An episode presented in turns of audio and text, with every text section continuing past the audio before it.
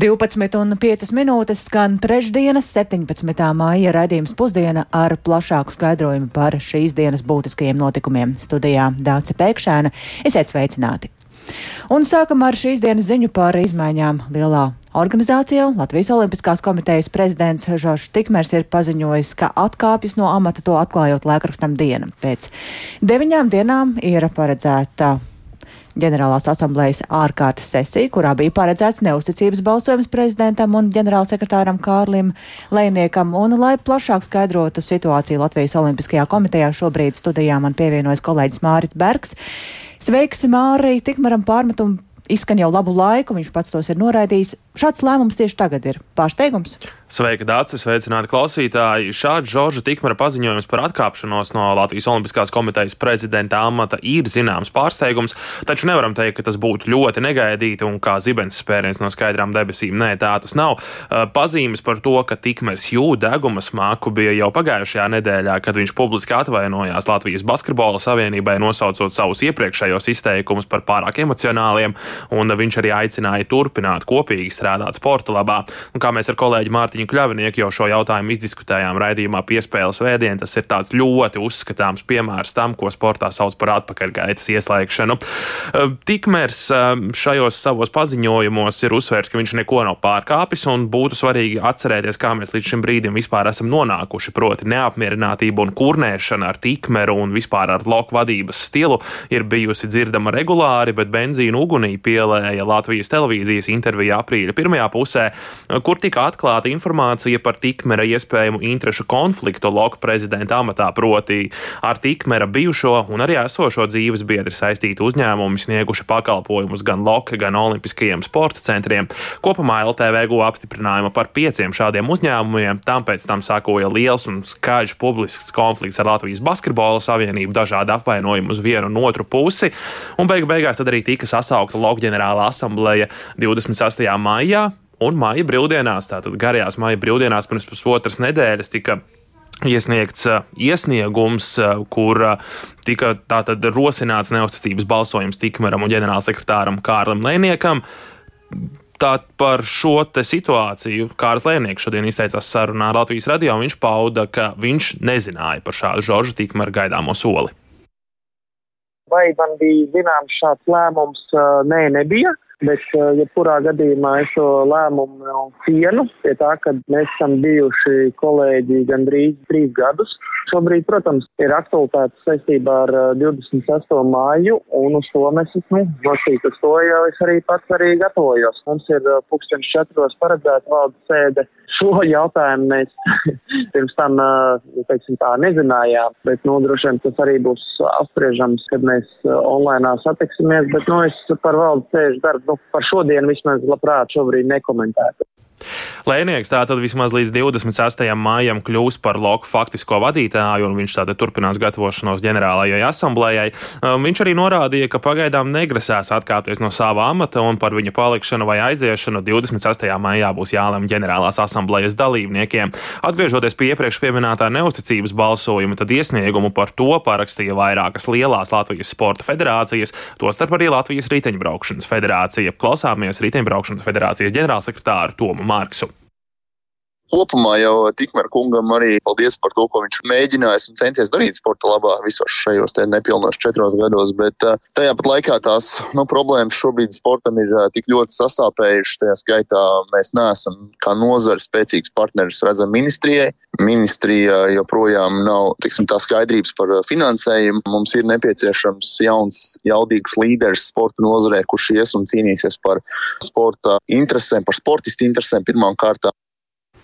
Tātad šobrīd logu darbs turpinās kā līdz šim, līdz 26. maijam. Vēlreiz uh, uzsveru šo Žorža Tikmera paziņojumā teikto, ka viņš pats ir teicis, ka viņš nevēlas turēties pie krēsla un svarīgi ir strādāt sportistu atbalstam. Tāpat viņš arī uzsver, ka viņš neko nav pārkāpis, nekādi normatīvi akti nav pārkāpti, un viņš visu šo notikušo skaidro, ka tās ir dažādas izpausmes cīņai par varu Olimpiskajā komitejā un par resursu pārdali, kas tam visam vēl beig beigās sekos. Tālūk, saka pats Žoržs Tikmers, bet ar viņu sazināties dienas pirmajā pusē, diemžēl, neizdevās. Paldies kolēģim Mārim Bergam par šo skaidrojumu un lūkosim, kā tas tālāk ietekmēs notikumus sporta pasaulē, bet par šīs vasaras notikumu kultūras pasaulē. Šodien interneta tirniecībā ir nonākušas biļetes uz dziesmu un deju svētku deju koncertiem. Man tāpēc telefoniski šobrīd pievienojas dziesmu un deju svētku izpildirektora Daina Markova. Labdien! Labdien! Un atšķirībā no pirmdienas, kad pie biļetēm uz tās dienas pieejamiem koncertiem varēja tikt pāris minūšu laikā, tad šodien es pati pamēģināju atvērt biļešu paradīzes kases minūti pēc pulksten desmitiem, un gaidīšana bija krietni ilgāka. Vai tas nozīmē, ka arī pieprasījums ir šodien krietni lielāks? Jā, um, jā bez šaubām. Tātad uh, arī šodien. šodien Tirdzniecībā kopumā bija pieejamas um, 31,000 biļešu, kas ir daudz vairāk nekā pirmdien. Uh, un tas bija uz pieciem uh, svētku deju lielajiem koncertiem, uz diviem koncertiem Balts. Uh, Arēnā Rīga un uz um, Daugaus stadionu, uz uh, lielu uzvedumu uh, mūžīgais dzinējs.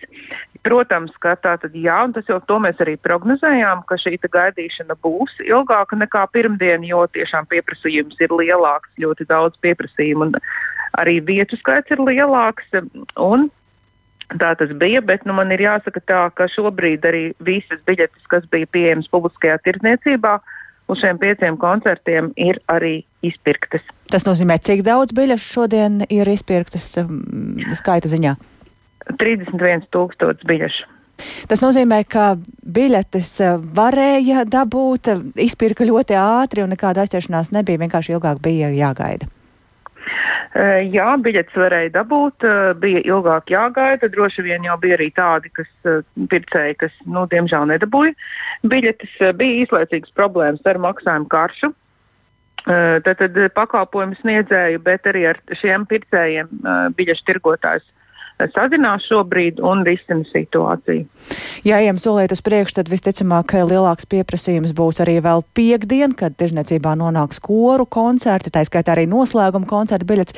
Ir kāds padoms biļešu kārotājiem, kas ir jādara, lai tiktu, nu, piemēram, pie noslēguma koncerta biļetēm Tad, tad, jā, kā jau ir iepriekš teikts, tad, um, tā kā jau, jau mums jau ir pieredze, un jums jau ir pieredze, tad, mēs pulcējamies, uh, pulcējamies un dodamies uz biļešu paradīzes mājaslapu neilgi pirms desmitiem. Tas būtu vislabākais ieteikums, es teiktu.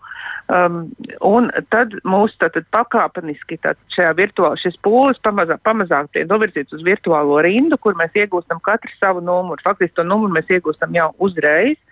Un tad mēs pakāpeniski biļešu tirgotājs laiž iekšā šajā uh, iepirkšanās apgabalā. Un tas ir tādēļ, lai būtu ērtāk tieši šajā apgabalā rīkoties un lai mēs visi neskrietu uz, uz vienu šo punktu. Un, uh, mēs tad vai, vajadzētu vēl izpētīt, kā var veikt maksājumus, uh, vai ir tātad, uh, tās ir internetbankas.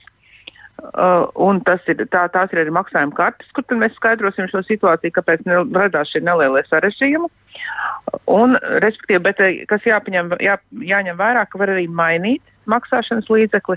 Maksājot, to vajadzētu atcerēties un sagatavoties. Un es ieteiktu, ko es ieteiktu, izpētīt eh, tātad, visus vietu plānus, tie ir pieejami biļešu paradīzē, un uh, pārbaudīt, vai viss ir kārtībā pašiem ar saviem banku kontiem, maksājumu limitiem, un kādas internetbankas ir pieejamas, kāda maksāšanas līdzekļa. Nu, vienkārši sagatavoties, sagatavoties šiem riskiem. Tādiem. Jā, tā tad vēl atgriežoties pie šiem deju koncertu biļetēm, tas nozīmē, ka visticamāk tiešajā tiešniecībā uz deju koncertiem um, nopirkt neko nevarēs. Nu, ja nu vienīgi kaut kas paliks pāri no dalībnieku neizpirktajām biļetēm. Jā, jā, to mēs skatīsimies. Tātad, eh, ja kaut kas paliks pāri no iepriekš rezervētajām jā, dalībnieku biļetēm, tad būs iespējams iegādāties. Un dalībnieks sāks izpirkt biļetes nākamajā nedēļā? Dalībnieks sāks izpirkt eh, biļetes nākamajā nedēļā un ir dots laiks divas nedēļas. Tātad biļešu izpirkšanai. Un, uh, 12. jūnijā tad būtu šis neizpirkto biļešu otrreizējais eh, nu, vilnis, tā mēs saucam. Ja? Tad mēs skatīsimies, cik būs biļetes mēs šobrīd prognozēt eh, tiešām nevaram. Paldies! Mēs sarunājāmies ar dziesmu un deju svētku izpildu direktori Dainu Markovu, un tā apkopojot, mēs varam teikt to, ka tātad šodien tirzniecībā nonāca 31 tūkstotis biļešu uz pieciem svētku deju koncertiem. Tirzniecība noritēja raiti, un jau pirmajās divās stundās nopirktas visas biļetes uz deju lielzudumu mūžīgais dzinējs un deju lielkoncertu balts, un arī šobrīd, kā dzirdējām, tad uz deju koncertiem biļetes vairāk iegādāties nevar. Um, Mēs turpinām ar citu tematu. Valsts kontrole ir noslēgusi ikgadējās finanšu revīzijas ministrijās un centrālajās valsts iestādēs, sasniedzot 26 atzinumus par 2022. gada pārskatiem. Ir konstatējusi problēmas prioritāro pasākumu finansējumu plānošanā un izlietojumā, kā arī mērķu sasniegšanā. Ko tas vairāk nozīmē, to zina stāstīt kolēģe Skirmanta Baļčūta, kur ir pievienojušies tiešraidē. Sveika, Skirmanti! Jā, labdien! Vērtējot kopumā gada pārskata sagatavošanas pareizību un atbilstības jautājumus, tika konstatēti divi problēma bloki ar trūkumiem, kas aktuāli vairākiem resoriem. Tie ir uzdevumi atlīdzībai valsts pārvalde un finansējuma izlietojums prioritāriem pasākumiem. Ierobežota finansējuma pieprasīta nauda bieži vien tiek izlietota citiem mērķiem, uzsvēra valsts kontrolieris Rolands Irklis. Tas galvenais trūkums bija, ka faktiski no 144,5 miljoniem eiro sākotnējiem mērķim, kam šie līdzekļi tika piešķirti, netika izlietoti aptuveni viena trešā daļa, jeb gandrīz 50 miljonu eiro. Un uh, lielākajā daļā šo jautājumu nav sasniegta vai daļai sasniegt plānotie rezultāti. Un mēs labi zinām, ka katru gadu notiek diezgan sīvas cīņas par šo prioritāro pasākumu finansējumu. Katru gadu mēs dzirdam ziņās par to, ka šis pieprasījums šiem pasākumiem krietni, krietni pārsniedz budžeta iespējas. Un uh, liekas, ka, nu, ja jau tas ir tāds prioritārs pasākums, ļoti svarīgs valsts attīstībai un līdzekļu nepietiekamības gadījumā, kad, nu, tad vajadzētu ļoti rūpīgi izvēlēties šos pasākumus un arī ļoti atbildīgi izturēties pret šo pasākumu ieviešanu. Diemžēl šogad uh, finanšu revīzija revīzijas daudzos un dažādos resoros parāda, ka šī atbildība plānojot šos pasākumus un piešķirot līdzekļus šiem pasākumiem, vai tālāk realizēt šos pasākumus, īsti nesako. Un, attiecīgi, mēs esam tajā situācijā, kad nauda kaut kam tiek piešķirta, bet faktiski šajā virzienā netiek izlietota. To mēs redzam kā nozīmīgu un būtisku problēmu šajā gadījumā. Kopumā 8 no 13 pārbaudītiem gadījumiem nav sasniegti vai ir daļēji sasniegti plānotie rezultāti. Tajā skaitā ir četri negatīvi atzinumi - ekonomikas, iekšlietu, veselības un labklājības ministrijās. Piemēram, ekonomikas ministrijai tika piešķirts 41 miljonus eiro lieliem investīciju projektiem finanšu pieejamības nodrošināšanai, ekonomikas atvesaļošanai pēc krīzes, lai arī prioritāru pasākumu finansējums eh, tika piešķirts eh, pārskaitīts Altuma vēl gada sākumā, aizdevumu izsniegšana komersantiem tā arī nav uzsākta. Savukārt Labklājības ministrija saņēma gandrīz 10 miljonus eiro atlīdzības paaugstināšanai aprūpētājiem, bet atbilstoši mērķim tika izlietoti tikai 62% finansējuma. Pārējais ticis izlietots kaut kam citam. Saistībā ar prioritāriem pasākumiem ir iebildumi par atbilstības jautājumiem iekšlietu ministrijai lai arī kopumā gandrīz 21 miljonus eiro tika atlīdzības palielināšanai iekšlietu dienestos tika izlietots atbilstoši pāri 3 miljoniem eiro, jeb 15% pārdalīti citiem ar atlīdzības izmaksu saistītiem mērķiem, kaut, kaut arī prioritāru pasākumu mērķi netika pilnībā sasniegti. Saistībā ar prioritāru pasākumu finansējumu sniegti negatīvi atzinumi par atbilstības jautājumu arī veselības ministrijai, jo ar piešķirtajiem papildu 840 tūkstošiem eiro eiro, lai nodrošinātu valsts apmaksātus veselības aprūpes pakalpojumus bērniem ar autiskā spektra traucējumiem. Plānotie rezultāti nav sasniegti, proti 82% pārdalīti citiem veselības aprūpes pakalpojumiem. Līdz ar to valsts kontroles skatījumā Finanšu ministrijai, kā arī valdībai un saimai turpmāk būtu rūpīgāk jāizlasa prioritāru pasākumu pieteikumi, ņemot vērā to, kā fiskāla telpa mums tomēr ir ierobežota. Dace. Paldies kolēģei Skirmantai Baičūtei par skaidrojumu, ko tad valsts kontrole ir secinājusi finanšu revīzijās un secinājums, ka nevienmēr piešķirtā nauda ir izmantota paredzētiem mērķim.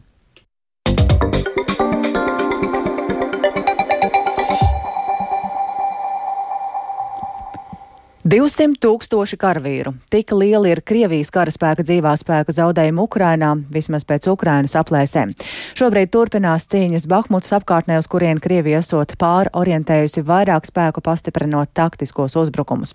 Tikmēr Ukraina pirms gaidāmā pretuzbrukuma joprojām turpina saņemt militāro atbalstu un nerimstoši runā arī par kaujas lidmašīnu piegādēm. Un šajā jautājumā ir vērojama pozitīva virzība. Plašāk stāsta Rihards Plūme. Ukrainas militārais izlūkdienests publicējis aplēses par ienaidnieka skaitu Ukrainā, norādot, ka valstī pašlaik karo ap 400 tūkstošiem Krievijas pilsoņu. Ukrainā dislocēti arī apmēram 20 tūkstoši Krievijas Nacionālās gvardas locekļu, bet vēl aptuveni 7 tūkstoši karotāju ir no privātiem grupējumiem, tostarp no algotņu grupas Wagner. Ukrainas militārā izlūkdienesta analītiķi uzskata, ka Krievijas spēkiem pašlaik nav pietiekama personāla, lai veiktu liela mēroga ofensīvas, un tie gatavojas aizstāvēt jau iekarotās teritorijas.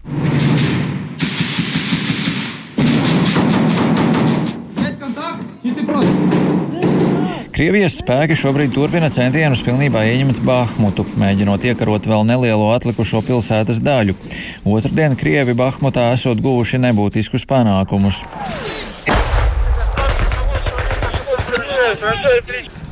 Tranšēja, pacani! Tikmēr Ukrainā ar ierobežotiem pretuzbrukumiem gūst panākumus pilsētas apkārtnē. Šobrīd Krievijas karaspēks domājams pastiprina taktiskos uzbrukumus Bahmutā, reaģējot uz Ukrainas armijas lokālajiem pretuzbrukumiem. To savā ziņojumā norādījuši ASV Domnīcas kara studiju institūts analītiķi. Vairāki Krievu propagandisti blogeri ziņo par četru Krievu bataljonu pārsviešanu Bahmutas virzienā. Arī Ukrainas aizsardzības ministra vietniece Hanna Maļara pavēstījusi, ka Krievija Bahmutas virzienā pārsviež savas gaisa desantnieku apakšvienības. Analītiķu ieskatā Krievijas spēku pastiprināšana Bahmutā varētu mazināt Krievu iespējas atsist plašāku Ukrainas pretuzbrukumu citviet. Ukraina joprojām turpina ievākt militāro atbalstu pirms gaidāmā pretuzbrukuma un nerimstoši tiek runāts arī par kaujas lidmašīnu piegādēm. Rietumu valstis līdz šim ir atturējušās no modernu lidmašīnu nodrošināšanas. Tomēr izskatās, ka pamazām jautājums virzās uz priekšu. Lielbritānijas un Nīderlandes premjeri paziņojuši, ka veidos starptautisku koalīciju iznīcinātāju piegādai Ukrainai. Abas valstis vienojušās sadarboties, lai izveidotu starptautisku koalīciju nolūkā nodrošināt Ukrainas gaisa spēkus ar visu nepieciešamo, sākot ar pilotu apmācību un beidzot ar iznīcinātāju F-16 iegādi. Ukrainas prezidents Valdemirs Zelenskis uzsvēris, ka koalīcijas izveidi atbalsta kopumā trīs valstis - Francija, Lielbritānija un Nīderlande, un tas esot labs koalīcijas sākums. Ukraine's territory is big, and to make air defense results like last night's. Ukrainas teritorija ir liela, un lai pretgaisa aizsardzības rezultāti būtu tādi kā pagājušajās naktīs un visā valstī, ir vajadzīgas papildu pretgaisa aizsardzības sistēmas un raķetes. Mums ir vajadzīgas arī modernas kaujas lidmašīnas, bez kurām neviena pretgaisa aizsardzības sistēma nebūs ideāla, un es esmu pārliecināts, ka mēs līdz tam nonāksim. Francijas prezidents Emmanuels Makrons piedāvāja apmācīt ukraiņu iznīcinātāju pilotus, tomēr noraidīja iespēju Kīvai piegādāt iznīcinātājus. Arī Beļģija paudusi gatavību vadīt ukraiņu pilotu apmācību ar amerikāņu iznīcinātājiem F-16. Rihards Plome, Latvijas radio. Tik tālu par Ukrainu, taču politiskā situācija ietekmē arī dažādu resursu cenas, tā skaitā degvielas. Un par to, kāda situācija ar tām Latvijā šorīt kolēģi Arta Skuja un Lauris Zvēnieks programmā Labrīt vaicāja degvielas tirgotāju asociācijas valdes priekšsēdētājiem Ojāram Karčevskim, kurš sacīja, ka konkurence degvielas tirgu Latvijā ir liela, tādēļ šajā brīdī tas, ko viņš iesaka autovadītājiem, ir sekot līdz dažādām akcijām akcijas var būt jebkurā dienā, jebkurā ilgumā. Domāju, autovadītājiem tam ir jāseko, kamēr mūsu ekonomika nebūs tāda, kura pieprasīs vairāk degvielas, vismaz tikpat daudz, cik 19. gadā pirms pandēmijas un pirms kara domāju, ka tā situācija turpināsies tādā veidā. Jūs sakat, konkurence ir liela, bet vai tā ir tikpat liela kā Lietuvā un Igaunijā? Reizēm šķiet, ka tur tomēr degvielas cenas biežāk ir zemākas nekā pie mums. Tur ir objektīvi desmit centi zemākām jābūt, jo valsts nodeva un akcijas nodoklis, kas mums ir 5 centi lielāks nekā kaimiņu valstīs, šo starpību tīri objektīvi padara par 10 centiem. Tad mums ir jābūt 10 centiem dārgāk. Ja kaut ko tikai 5 centi, tad uh, viņiem ir labāks piecinājums. Un Eiropas kopējā situācijā, cik ērti mēs šobrīd varam justies ar savām degvielas cenām? Mēs, izņemot tās valstis kā Polija, mēs jūtamies, protams, ērti. Jāsaprot, ka šajā laikā pirms gada cena sasniedza 2 eiro, pat jūnija sākumā pārsniedza 2,10, un dīzeļdegviela bija pat dārgāk ievērot nekā benzīns. Tagad naftas pasaulē pietiek, cena ir relatīvi zema, šodien 75 dolāri par barelu arī pašu produktu, destilātu, benzīnu un dīzeļdegvielas cenas kopš pagājušā gada jūnija kritušās divas reizes, kad nevarēja tirgus saprast, vai būs apgādes vai naftas pārsvērts rūpnīcas jauda pietiks. Bet šodien viss ir stabili, nekas neliecina, ka varētu izmainīties kaut kas. Ja nu vienīgi 2, 3, 4 jūnijā ir kārtēja OPEC sanāksme, kurā noteikti viņi mēģinās nākt ar paziņojumiem, kā jāsamazina ieguve, līdz ar to cenas naftai un pēc tam arī naftas pārstāvju produktiem varētu paaugstināties. Tik tāla Degvielas tirgotāju asociācijas valdes priekšstādātājs Ojārs Karčevskis.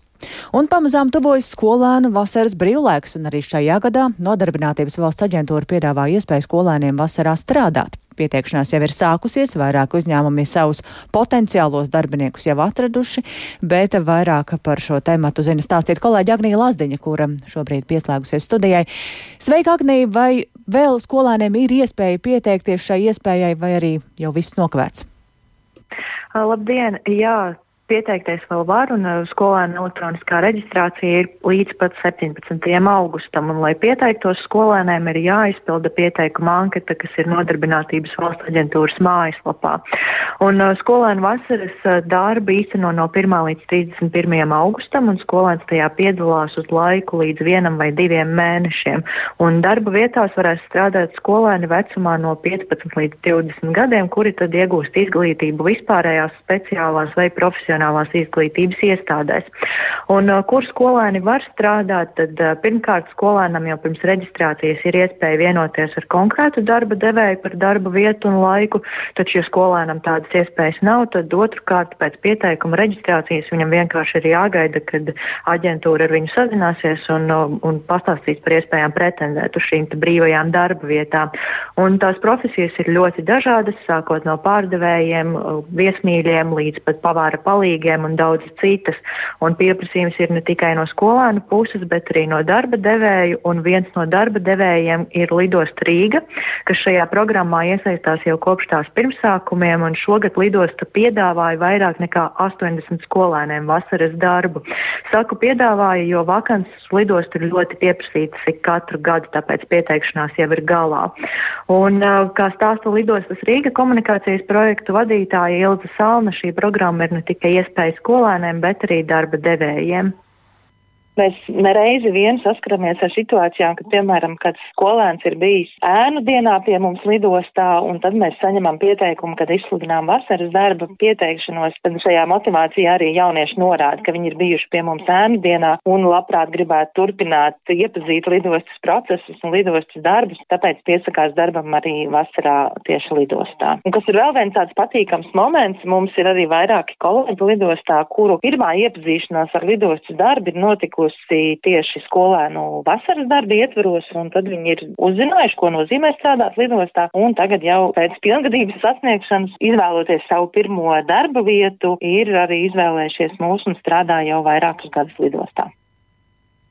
Jā, lūk, tad šobrīd ir tāda situācija un vairāk par uh, to, kā norit pieteikšanās vasaras darbam, es stāstīšu programmā pēcpusdiena Dace. Paldies kolēģei Agnijai Lazdiņai. Tātad skolēni var pieteikties darbām strādāšanai vasarā un to būs iespēja darīt no 1. jūnija līdz 31. augustam. Ar to arī izskan redzījums pusdiena. Tā producenta Ilze Agīnta ierakstus montēja Renārs Šteimanis par labskaņu rūpējās Īveta Zvejniece un ar jums sarunājās Dāca Pēkšēna. Vēl īsi par būtiskāko izmaiņas Olimpiskās komitejas vadībā tās prezidents Tikmers ir paziņojis par atkāpšanos vēl pirms nākamnedēļ gaidāmā neusticības balsojuma. Pirmajā stundā izpirktas biļetes uz dziesmu un deju svētku lielu uzvedumu mūžīgais zinējs un arī citi deju svētku koncerti. Un arī šajā gadā skolēniem vasarā būs iespēja strādāt.